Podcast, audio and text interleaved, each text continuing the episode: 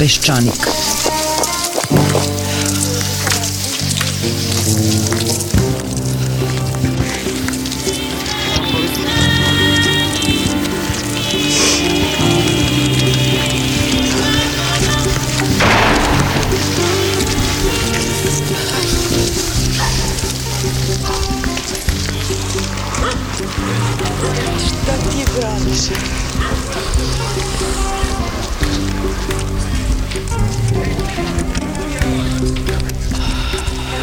Peščanik.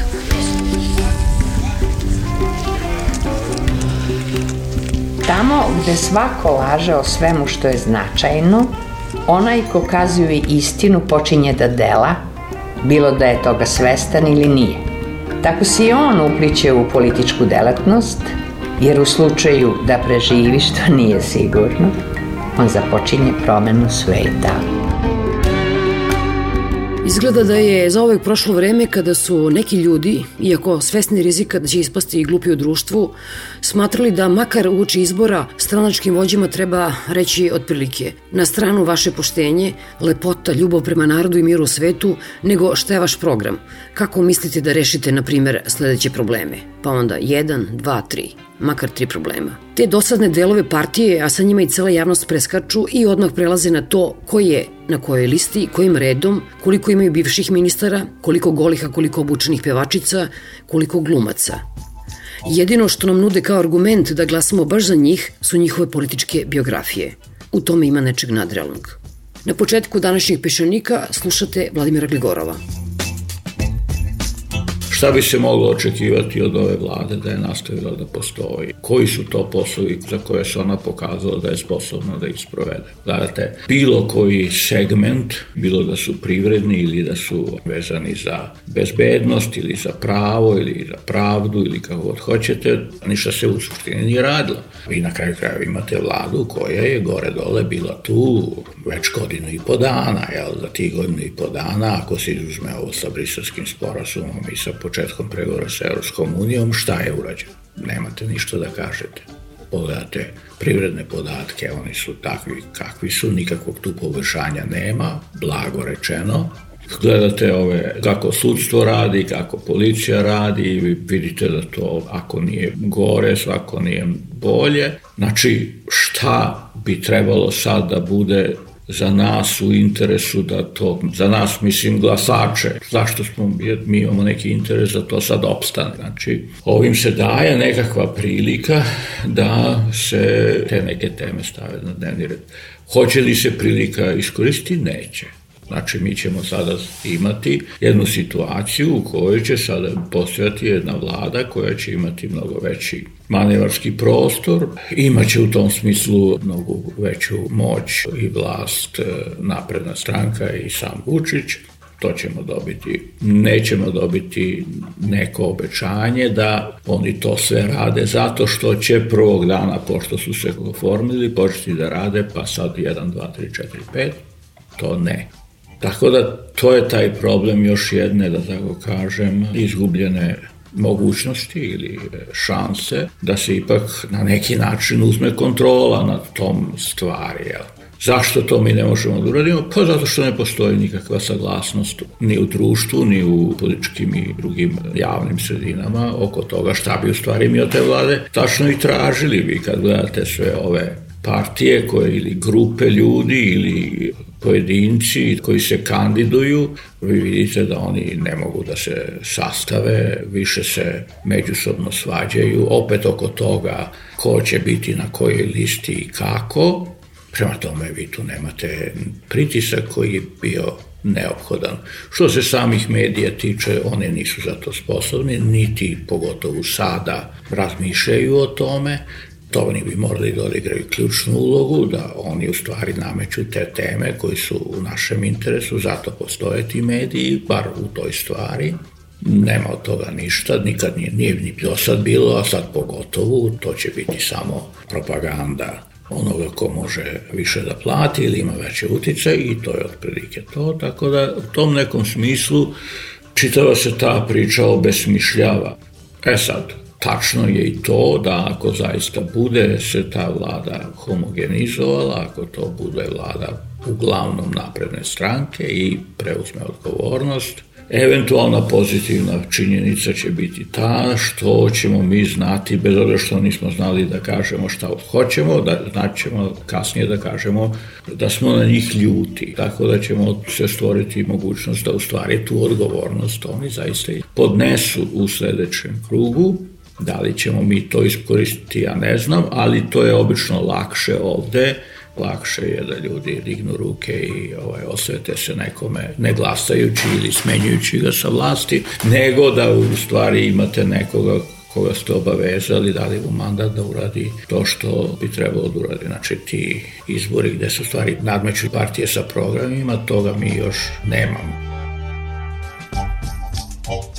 sam Radulović i cela ta priča o reformama, rekonstrukciji reformama je li upotrebljena da bi se u stvari sačekao pravi moment za izbore. Znači, to je jedna upotreba ljudi i upotreba institucionalnih promena, u ovom slučaju rekonstrukcija, sa dosta očiglednim političkim ciljem, a taj je da se u stvari sačeka moment za izbore, pa da se onda u stvari rasporede ti ljudi koji treba da se rasporede na sva ta mesta.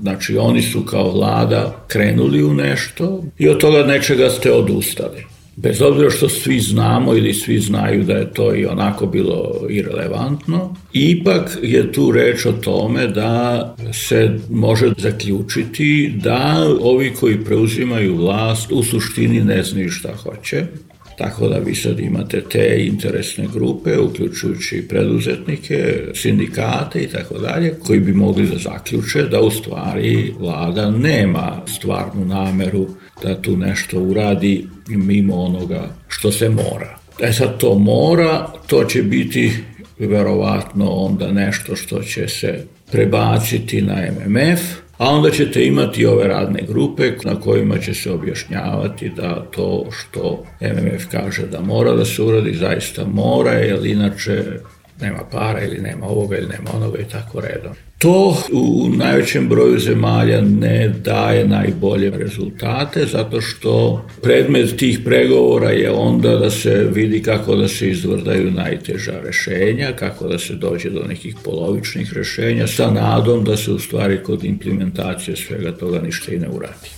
To je otprilike taj problem koji se ovde postavlja. On se postavlja svakoj vladi, ali posebno ako vi dođete kao vlada koja prethodno nije bila na vlasti i koja u stvari tvrdi da će da tako reći, istorija počinje od njih. Tada vi imate jedan prozor mogućnosti kada vi možete u stvari da zaista kažete mi smo ljudi od reči, jel, vi nemate bagaž da ste bili ranije pa ste pravili gluposti, novi ste, sveži, možda kažete sa nama nema šale, nemamo nikakve obaveze prema tajkunima, ovima, onima, jel, to i jeste bila jedna poruka koja se slala.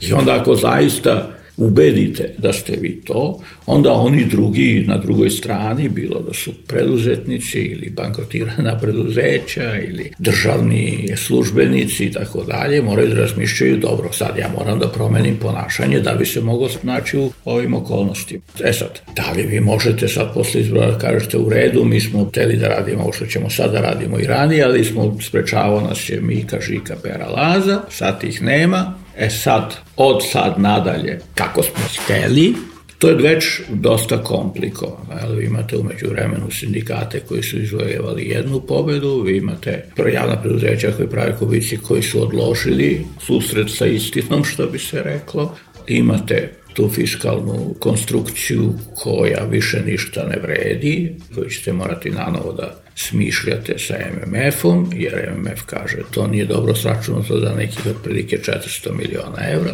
Znači moramo, ajde ovo nanovo, sad imate da se penjete ponovo uz brdo i veliko je pitanje da li toga može nešto da se očekuje ili da može nešto da se obavi i to je taj problem sa kojima se suočava ta nova vlada koja u stvari neće imati problema da bude izabrana, ali je veliko pitanje da li će imati mogućnosti da tu te neke reforme, ukoliko uopšte zna šta hoće i hoće zaista nešto i da uradi, da će biti u stanju da to primeni. Ako neće, a meni se čini da će to traljavo politiziranje da se nastavi, onda će se morati u nekom trenutku tražiti neka druga alternativa. Ovi sada imaju tu prednost što su međunarodne okolnosti njima povoljne, znači oni se vide kao dobri međunarodni partneri, ako bi oni to očuvali, to bi moglo i duže da traje, ali u svakom slučaju, na kraju krajeva, sve zavisi od toga šta ste vi sposobni da uradite kod kuće, a ovde je posao koji treba da se obavi izuzetno veliki i svakim danom je sve veći, a vi ste već od toga suočavanje sa tim problemima ste već odložili za godinu i po dana. Što se znanja tiče, tu jeste veliki problem zato što uglavnom ti ljudi koji preuzimaju te odgovornosti nisu do kraja raščistili oko toga šta u stvari se može na koji način postići. Tu onda imate taj problem da onda u stvari vi krenete da pitate recimo nekoga kao što je Svetska banka ili MMF ili neki drugi kreditor, da vam kažu otprilike šta bi vi to trebalo da radite. Ako je MMF, on će da vam kaže budžet treba da bude otprilike ovakav, poče da vam govori kako da organizujete penzijski sistem, radno zakonodavstvo i tome slično, pošto vi sami to očigledno ne umete. To je otprilike ovo pitanje je li gospodina Radulovića. On je otprilike imao tu neku ideju šta treba da se uradi, Možda je bilo pametnije sa njihove tačke gledišta same vlade, ali da su, ako to nisu do kraja razumeli ili nisu bili svesni, sigurni šta to znači, da su, recimo, organizovali seminar, jel? Pa da, jeli vide, da li im to odgovara ili ne. Umesto što su rešili da to, pošto već ne znaju čemu će to da vodi, jeli, a ljudi su uznemireni, jeli drugi ne znaju šta će od toga da bude, u oslom nije ni jasno da li iko želi nešto tako da radi, da vi to prosto batalite, pa idemo ovaj negde iz početka, jel?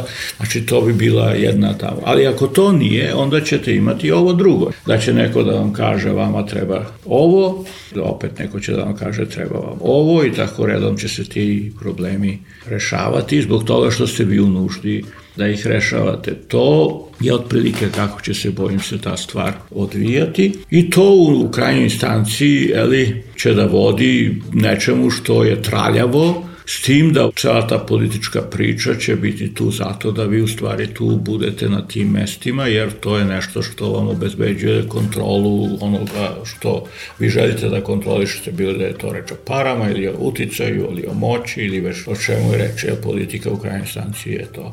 Tu je otprilike značaj tog novog ili još jednog neuspeha da se nešto sa reformom uradi. To nije pitanje sadržaja, mi možemo oko toga da se sporimo. Mada ja moram da kažem, ja sam iznenađen sa kojim niskim nivom interesovanja, u stvari sa nedostatkom podrške samo ideji da se nešto reformiše, se ovaj pokušaj suočio. To pre nije bilo tako.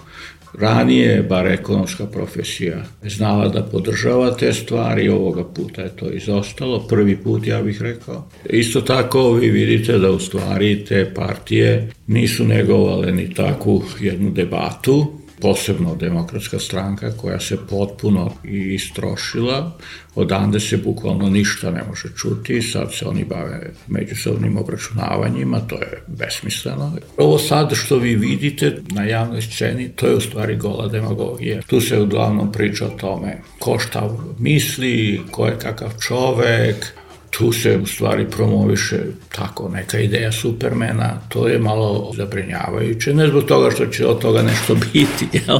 mnogo gore od ovoga, skoro da i nije moguće, jel?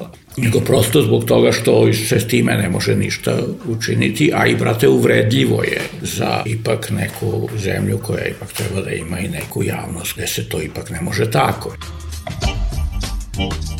Obično kad se izgube ti izbori, onda u redu stranka mora da prođe kroz određenu rekonstrukciju. Trebalo bi neka ozbiljna debata zašto je do toga došlo, da li je greška u programu, da li je greška u realizaciji, tako redom.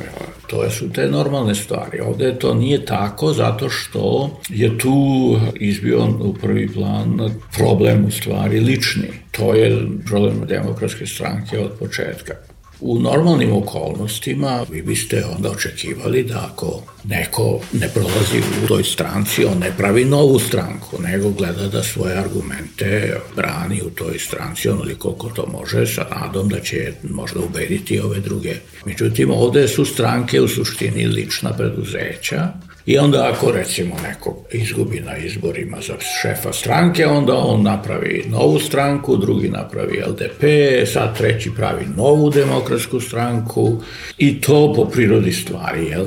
ne može da stvori neku normalnu situaciju ili da, da je bude korisno, zato što pre svega da je rasprava će biti o tome ko je koga izneverio, a ne o tome šta bi u stvari trebalo da se radi.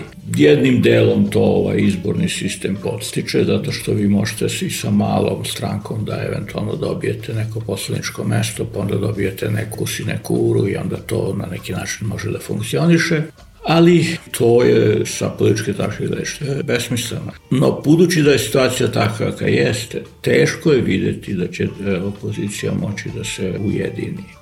Tu isto tako ima tih grešaka koje su na neki način posledica pogrešne imitacije. Recimo, vi sad gledate ovu ideju da se stvori nova demokratska stranka, koja je slična od prilike ideji kako je nastala napredna stranka. Znači da se vi odvojite od demokratske stranke, pa sad ova demokratska stranka praktično atrofira, a vi u stvari dobijete kao novu stranku.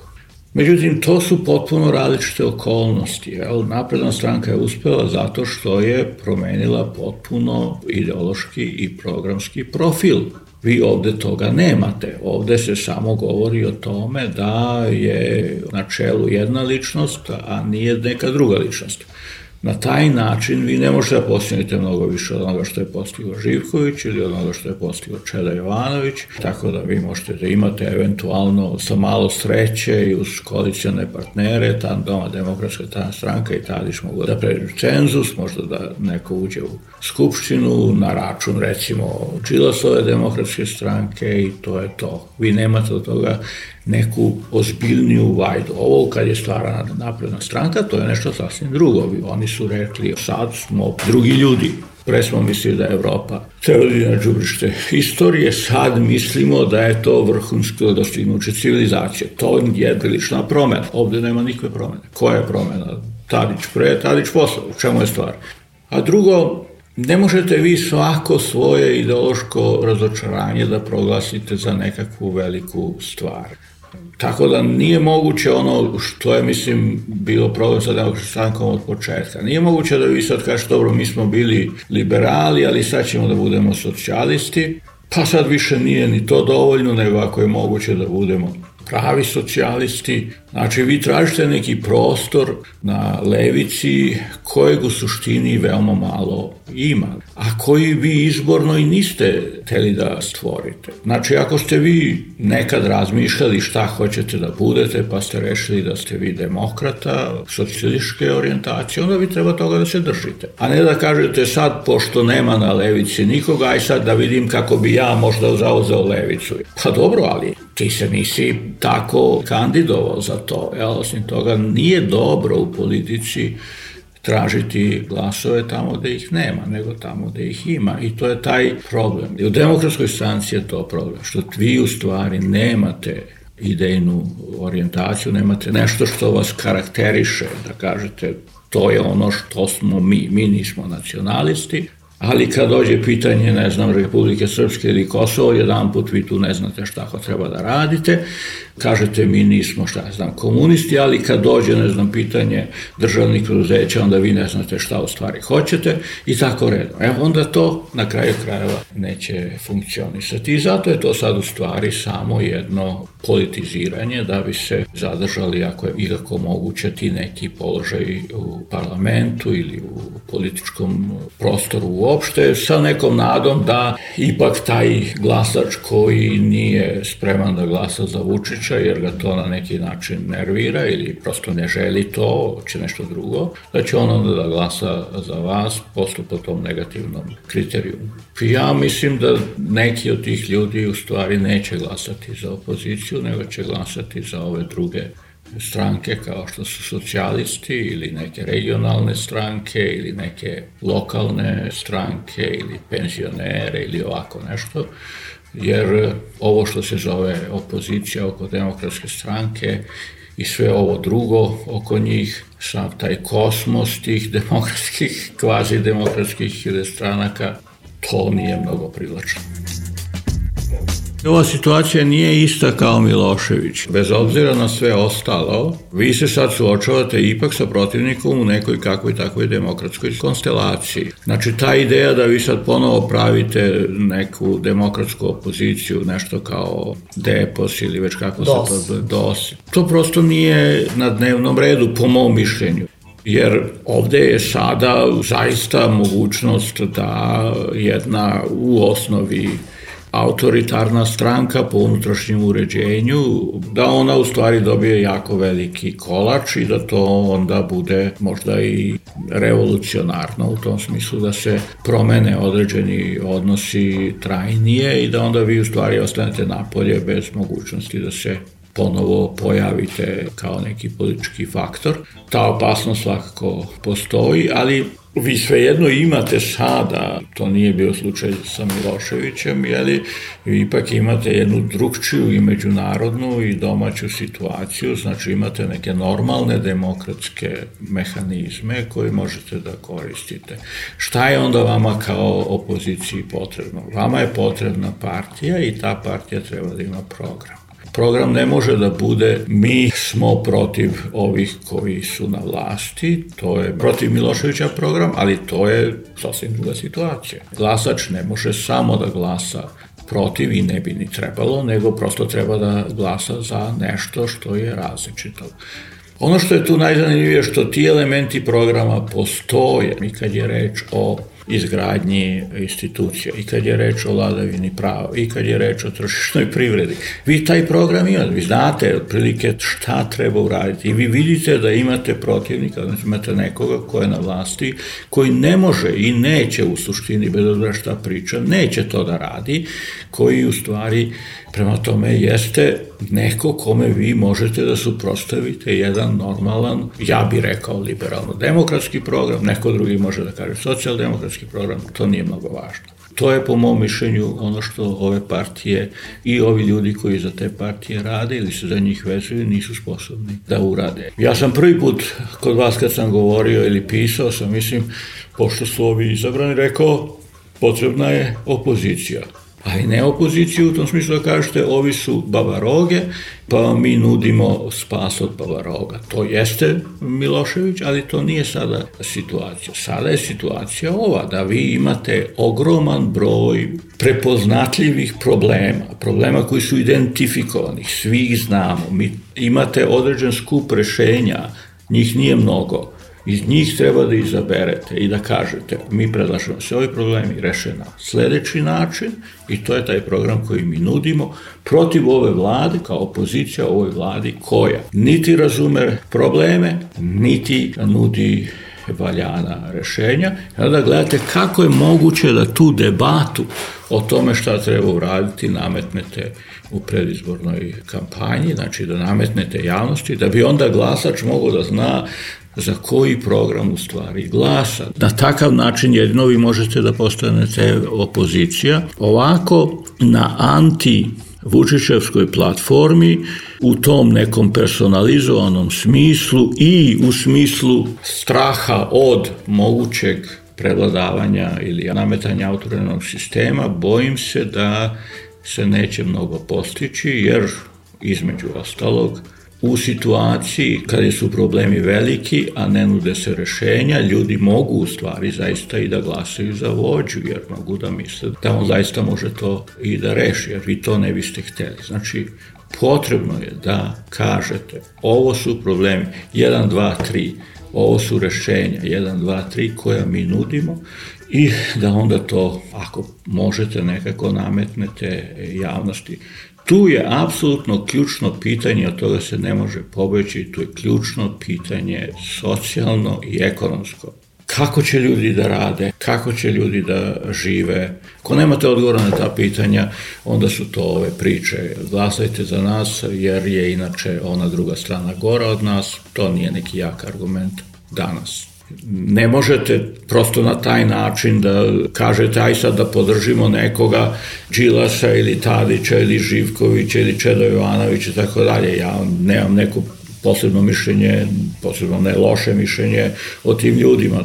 Ali vi ste bili na vlasti, nije da mi vas ne znamo. Znamo kad ste bili suočeni i sa krizom bezbednosti, kad ste i sa ekonomskom krizom i tako da šta ste bili u stanju da uradite. Kraju krajeva mi ipak znamo i kako je prodavan NIS i zašto bismo mi sada glasali za te ljude bilo bi nekako neophodno da ako bih ja trebao za nekoga da se angažujem, da znam prvo šta hoće, drugo kako misli to da uradi i treće kako se odnosi prema tome šta je radio ranije, a ne da kaže ja sam bio sad najbolji, ali ovi drugi nisu valjali ili ovo što kaže Tadić, ja sam sve časno radio. U redu je to, ali rezultati su vrlo rđavi. Znači, ako vi niste u stanju da razumete, da niste odgovorili tom zadatku, a tražite ponovo da vam se on poveri, onda to je praktično preporuka da vam se ne glasa za vas. Dobro, možda imate sada, kao i Vučić, jel, možda ste se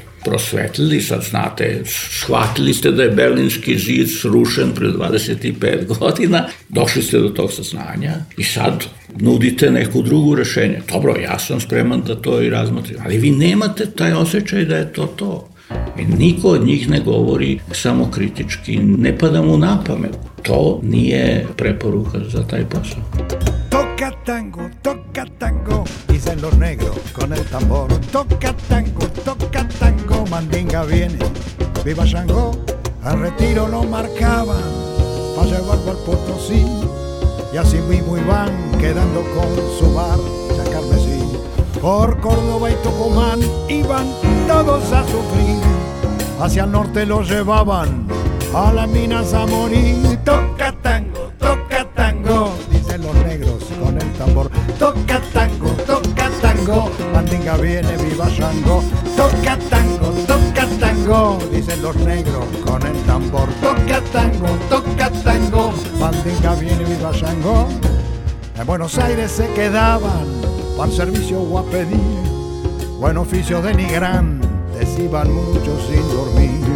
Cuando fue la revolución, a la guerra los mandaron, muchos de ellos regresaron sin un brazo y sin razón. Toca tango, toca tango, dicen los negros con el tambor. Toca tango, toca tango, Mandinga viene, viva Shango. Toca tango, toca tango, dicen los negros con el tambor. Toca tango, toca tango, Mandinga viene, viva Shango.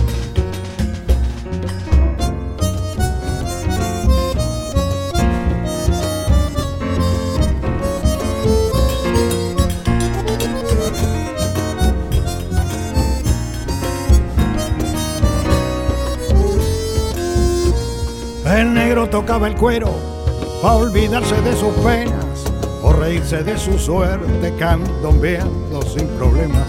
El negro tuvo su gloria cuando vino Juan Manuel, pero le duró muy poco porque todo se fue con el toca tango, toca tango, dicen los negros con el tambor. Toca tango, toca tango, Mandinga viene, viva Shango. Toca tango, toca tango, dicen los negros con el tambor. Toca tango, toca tango, Mandinga viene, viva Shango. Toca tango, toca tango, rocoto, rocoto, rocoto, cha cha. Toca tango, toca tango, rocoto, rocoto, rocoto, cha cha. Toca tango, toca tango, rocoto, rocoto, rocoto, cha cha. Toca tango, toca tango, rocoto, rocoto, rocoto, cha cha.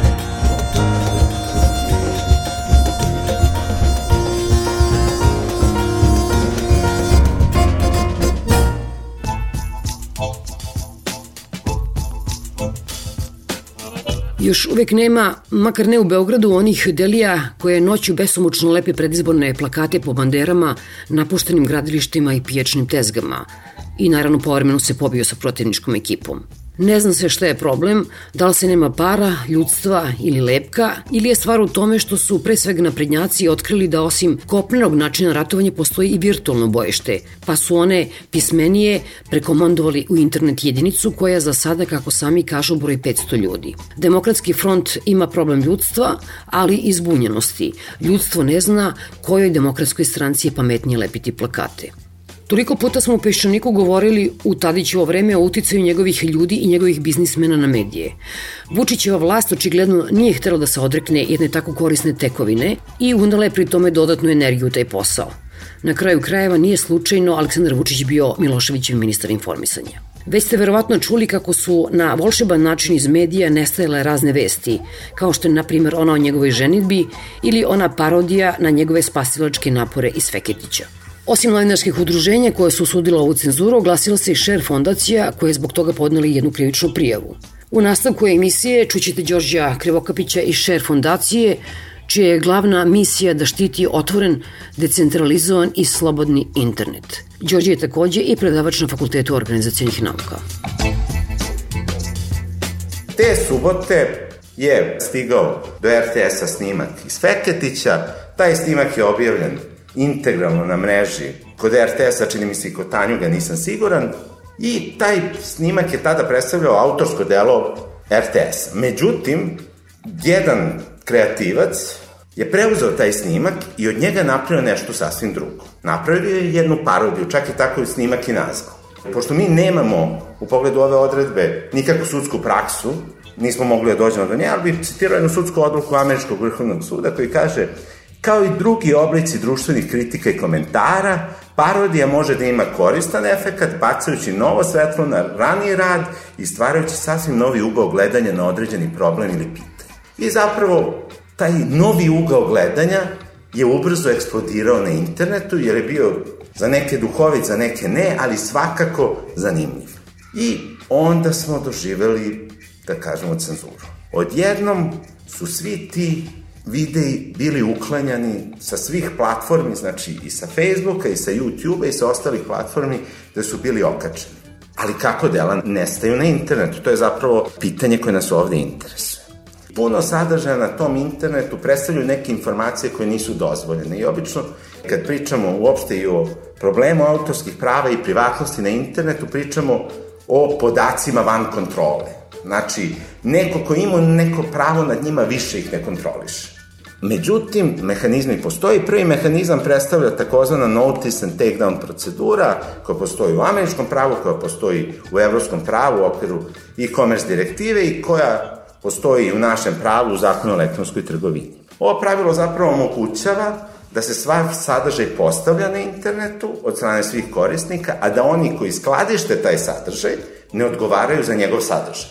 Tako da, oni tek uklanjaju sadržaj nakon što prime notis, odnosno obaveštenje od nekog da je sadržaj, na, kažemo, na njihovim serverima ili na njihovim platformama nedozvoljen. I od trenutka saznanja da je on nedozvoljen, oni snose odgovornost ako ga ne uklone.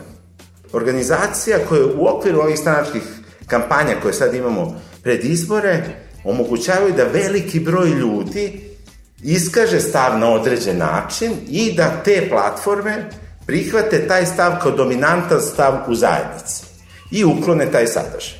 Međutim, ono što je činjenica, činjenica je da u subotu mi nismo bili žrtva aktivizma. Kao što su predstavnici RTS-a i te kuće KVZ rekli, sadržaj je uklonjen po osnovu autorskih prava. I kako je uklonjen? YouTube posjeduje jedan sistem koji je Content ID i ovlašćeni distributer autorskog materijala kao što je KVZ, koji ima direktan ugovor sa YouTube-om, ima pravo da u taj sistem ubaci primerak autorskog dela nad kojim ima isključiva prava i da taj primerak bude skladišten i upoređen sa svim ostalim primercima na mreži. I ukoliko taj primerak se identifikuje sa nekim drugim, KVZ će dobiti obaveštenje da je pronašao sličan primerak i pitat će KVZ da li da ga ukloni, da li da ga ukloni u samo nekim zemljama ili da ga ostavi. Ono što se svakako desilo da je KVZ primao ta obaveštenja i da je donosio odluku da ih uklanja.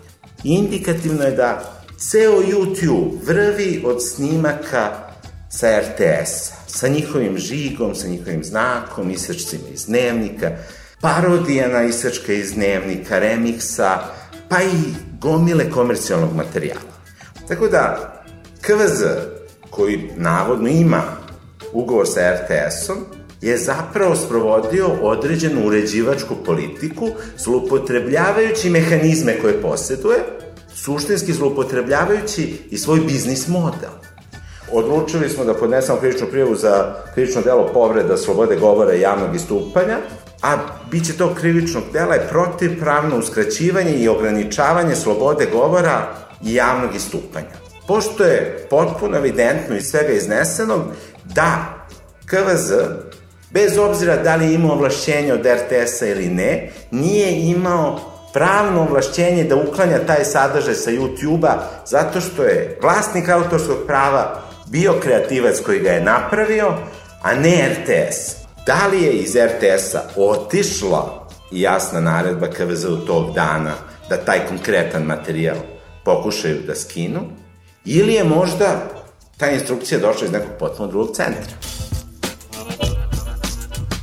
E sad, akter tog snimka u tom trenutku odlučuje, osnovno, da li on ili njegov PR tim, nije ni bitno, odlučuje da umanji štetu, naročito usled činjenice, jel, da kao što smo naveli u kričnoj prijavi, postoje indicije da su stranački aktivisti zapravo u tom procesu, ali imamo tweet gospodina Marija Maletića, koji jasno i glasno kaže da um caruje, a snaga, odnosno veliki broj ljudi dobro dođe, na pitanje kako uklanjaju sadržaj tako lako i tako brzo.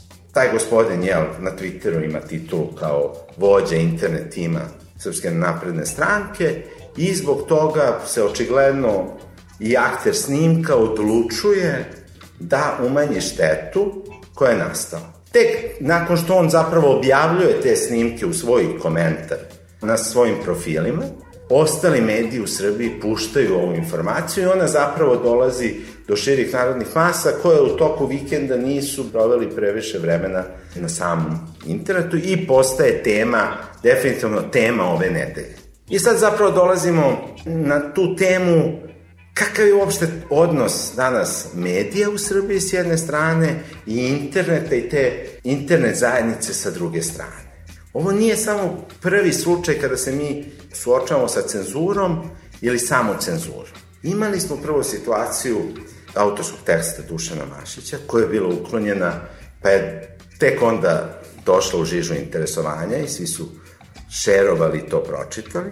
Zatim smo imali vrlo interesantan slučaj teksta o čerki guvernerke Tabaković, koji je naprosto nestao sa sajta Radija 021, a onda kad je objavljen na sajtovima Centra za istraživačko novinarstvo Srbije i autonomije, nestao je pod nerazjašnjenim okolnostima, odnosno ljudi koji uređuju te sajtove tvrde da niko iz njihovog tima ih nije uklonio, već da ih je uklonio neko drugi.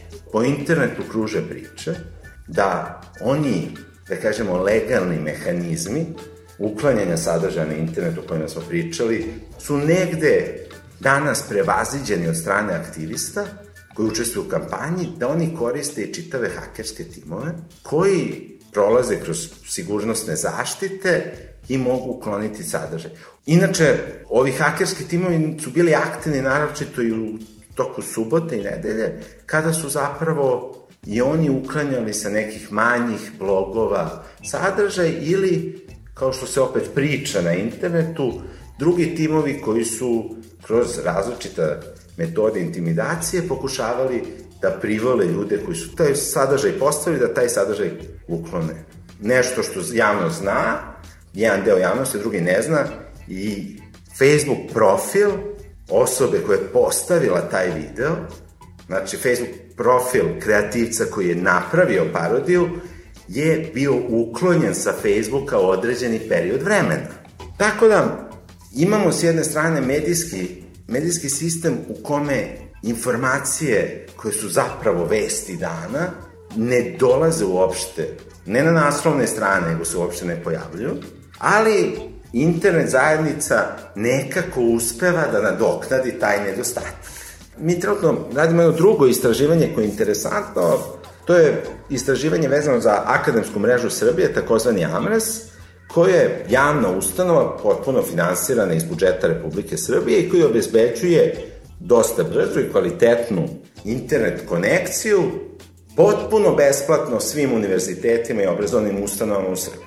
Međutim, primetili smo da čitav niz sadržaja na ovoj mreži je jednostavno blokiran i ne možemo se pristupiti. Tu pre svega naravno ima pornografskog sadržaja i o tome možemo diskutovati da li njega treba uklanjati ili ne, ali imamo i čitav niz sajtova i istraživačkih i recimo Sjepi nije moglo da se pristupi sa mreže i recimo Viber ne radi na toj mreži kao sredstvo komunikacije. Što znači da neka ustanova i ne, koja posjeduje infrastrukturu potpuno kontroliše šta mi možemo da primimo od informacija. Tako da ovo nije samo pitanje tehničko, ovo je pitanje kako i pod kojim uslovima neko nama može ograničiti naše pravo na informisanje. I ovde imamo cenzuru u akademskoj mreži. Tamo gde bi akademske slobode trebale da budu najveće i gde bi zapravo istraživači koji istražuju trebali da imaju pristup što većem polju informacija, oni su zapravo najuši. Jer nijedan drugi internet provider u Srbiji za sada ne vrši ovakvu cenzuru i blokiranje. I sada dolazimo možda na jednu od najinteresantnijih tema, to je tema elektronskog nadzora, odnosno pristupa našim podacima na mreži. Postoje dve različite stvari. Prva stvar je ono što zovemo prisluškivanjem i ono što mnogi akteri u našem društvu, počevši od predsednika Republike, govore da se dešava, je da se neovlašćeno prisluškuje našim komunikacijama. Znači, sadržaju naših komunikacije. Da neko sluša naš telefonski razgovor ili pristupa našim mailovima.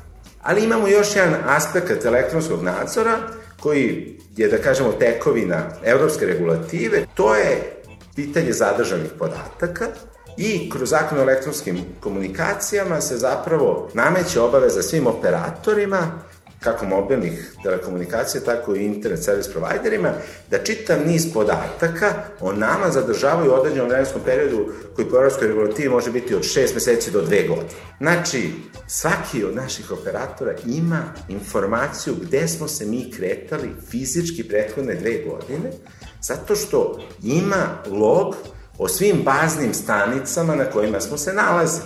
To su zapravo ti meta podaci, s kim komuniciramo, koliko, kojim intenzitetom i tako dalje, čitav niz različitih meta podataka, odnosno zadržanih podataka, to je nešto što predstavlja našu privatnost. I to je nešto na čim imamo zagarantovano ustavno pravo. Tako da se tim informacijama može pristupiti samo ako se ispune tri kriterijuma. Prvi, da je pristup ovim informacijama propisan zakonom, drugi da je srazmeran i neophodan u demokratskom društvu i da je na kraju usmeren na zaštitu temeljnih vrednosti. Ono što je takođe praksa našeg ustavnog suda, da kod presretanja mora postojati sudska odluka. Moramo da imamo u vidu da pristup našim podacima je ipak nekada i legitiman.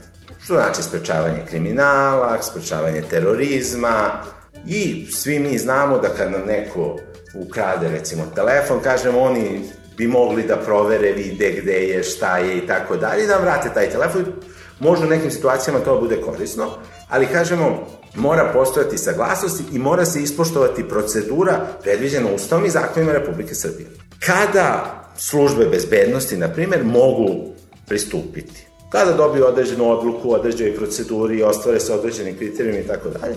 Ali mi zapravo ne možemo da dođemo do odgovora na pitanje kako to faktički funkcioniše, na koji način funkcioniše komunikacija između operatora koji imaju pristup svemu i službi koje kao nemaju pristup svemu. Jer postoje indicije zapravo da službe bez uopšte prijavljivanja operatorima mogu prisluškivati. Mi smo pre dve nedelje podnali zahtev povereniku da nam dostavi informacije do kojih je došao kada je 2012. godine sprovodio nadzor nad operatorima mobilnih telefonija. To je nadzor nad Telenorom, Telekomom, VIP-om i Oriom. I juče smo baš dobili ovaj odgovor od poverenika i ovo je jedan zapravo od redkih odgovora. Priča se da ih ima manje nego prsti u jednoj ruci, koje je poverenik od javnog značaja odbio. Šta je odbio? Do, odbio informacije koje sadrže lokacije na kojima se nalazi određena oprema, vremenu kad je oprema instalirana, načinu na koji se oprema koristi, tehničkim mogućnostima i kapacitetima koje oprema ima, odgovarajućoj saradnji nadležnih organa i tela i zapravo čitavoj komunikaciji između operatora i službi. Na zahtev je odbijen zato što na većini tih dokumenta postoji oznaka da li državne tajne ili poslovne tajne ili neke tajne, ni sam poverenik i ombudsman nemaju odgovor na ova pitanja. E sada, mi nismo samo u situaciji da ne možemo da znamo kako se našim podacima koji se talože negde pristupa, mi imamo indikacije da u Srbiji postoje i druga sredstva za elektronski nadzor, znači za masovno nadgledanje naših komunikacija, kao što su Trovikor i Finfisher. To su alati za koje postoje indicije da su instalirani u Srbiji. U pogledu Finfishera postoji istraživanje koje je sproveo Citizen Lab iz Kanade i utvrdio se na teritoriji Srbije nalazi server za Finfisher, znači da je instaliran i da tu radi. A u pogledu Trovikora Wikileaks je objavio informacije o kretanju trgovinskih agenata koji prodaju ovaj softver i onda je indikativno da u jednom periodu u aprilu nekoliko njih je bilo u Srbiji u istim danima, kao da su vršili prezentaciju tog softvera, a onda jedan od njih se vraćao par puta i zadržao sedam dana negde u avgustu, kao da je prodao taj softver i da je izvršio obuku kako se on koristi. Nismo do sada uspeli da dođemo do informacije gde su ti softveri instalirani i zašto se konkretno koriste, da li možda u državnim institucijama za nadzor radnika u njime ili možda u nekim privatnim kompanijama ili možda nekim centrima gde mi komuniciramo kako bi se nadgledale naše komunikacije, ali u svakom slučaju ono što je definitivno sigurno da sistemi za masovno nadgledanje naših komunikacija postoje u Srbiji i da mi o tome ne znamo ništa. Isto interesantno da je ta inicijativa opet bije da se uvede obavezna registracija SIM kartica. Za sada mi imamo obaveznu registraciju postpaid kartica, ona je legitimna iz razloga što ne bi mogli nam dostave račun i ne bi mogli da vam naplate vašu uslugu da se vi ne registrujete i da ne znam ko je vlasnik, ali u Srbiji postoji 5 miliona prepaid kartica i neko želi da tih 5 miliona prepaid kartica registruje. Istina je, neki kriminalci, da li dileri droge ili ovi ili oni, koriste te kartice, kupili su ih na trafici i tako dalje. Ali ne smemo zaboraviti uticaj takvog jednog postupka na naše društvo. Primer iz Ukrajine sa protesta od, čini mi se, prošle nedelje, više nego ilustrativan.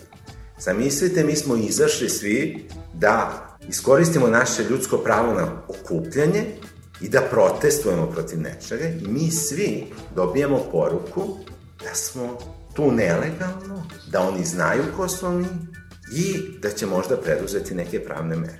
Znači ovde nije samo činjenica da oni nas obaveštavaju, ovde je činjenica da neka vlast zna svakog od nas pojedinačno, ako su kartice još registrovane, oni imaju naše imena i prezimena, adrese i sve ostalo. Ovo nije samo pitanje internet sloboda, ovo je pitanje slobode celog društva. Ovo je kroz ovaj primer čisto pitanje slobode okupljanja. Znači sve naše slobode za koje smo mislili da smo se izborili, u novom društvu, ako ne budemo vodili računa o tehnologijama i načinu na koji se one koriste, će nestati brže nego što smo se osvrnuli.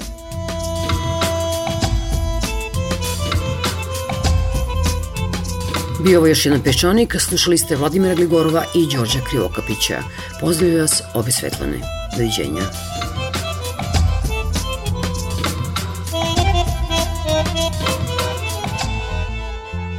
Peščanik.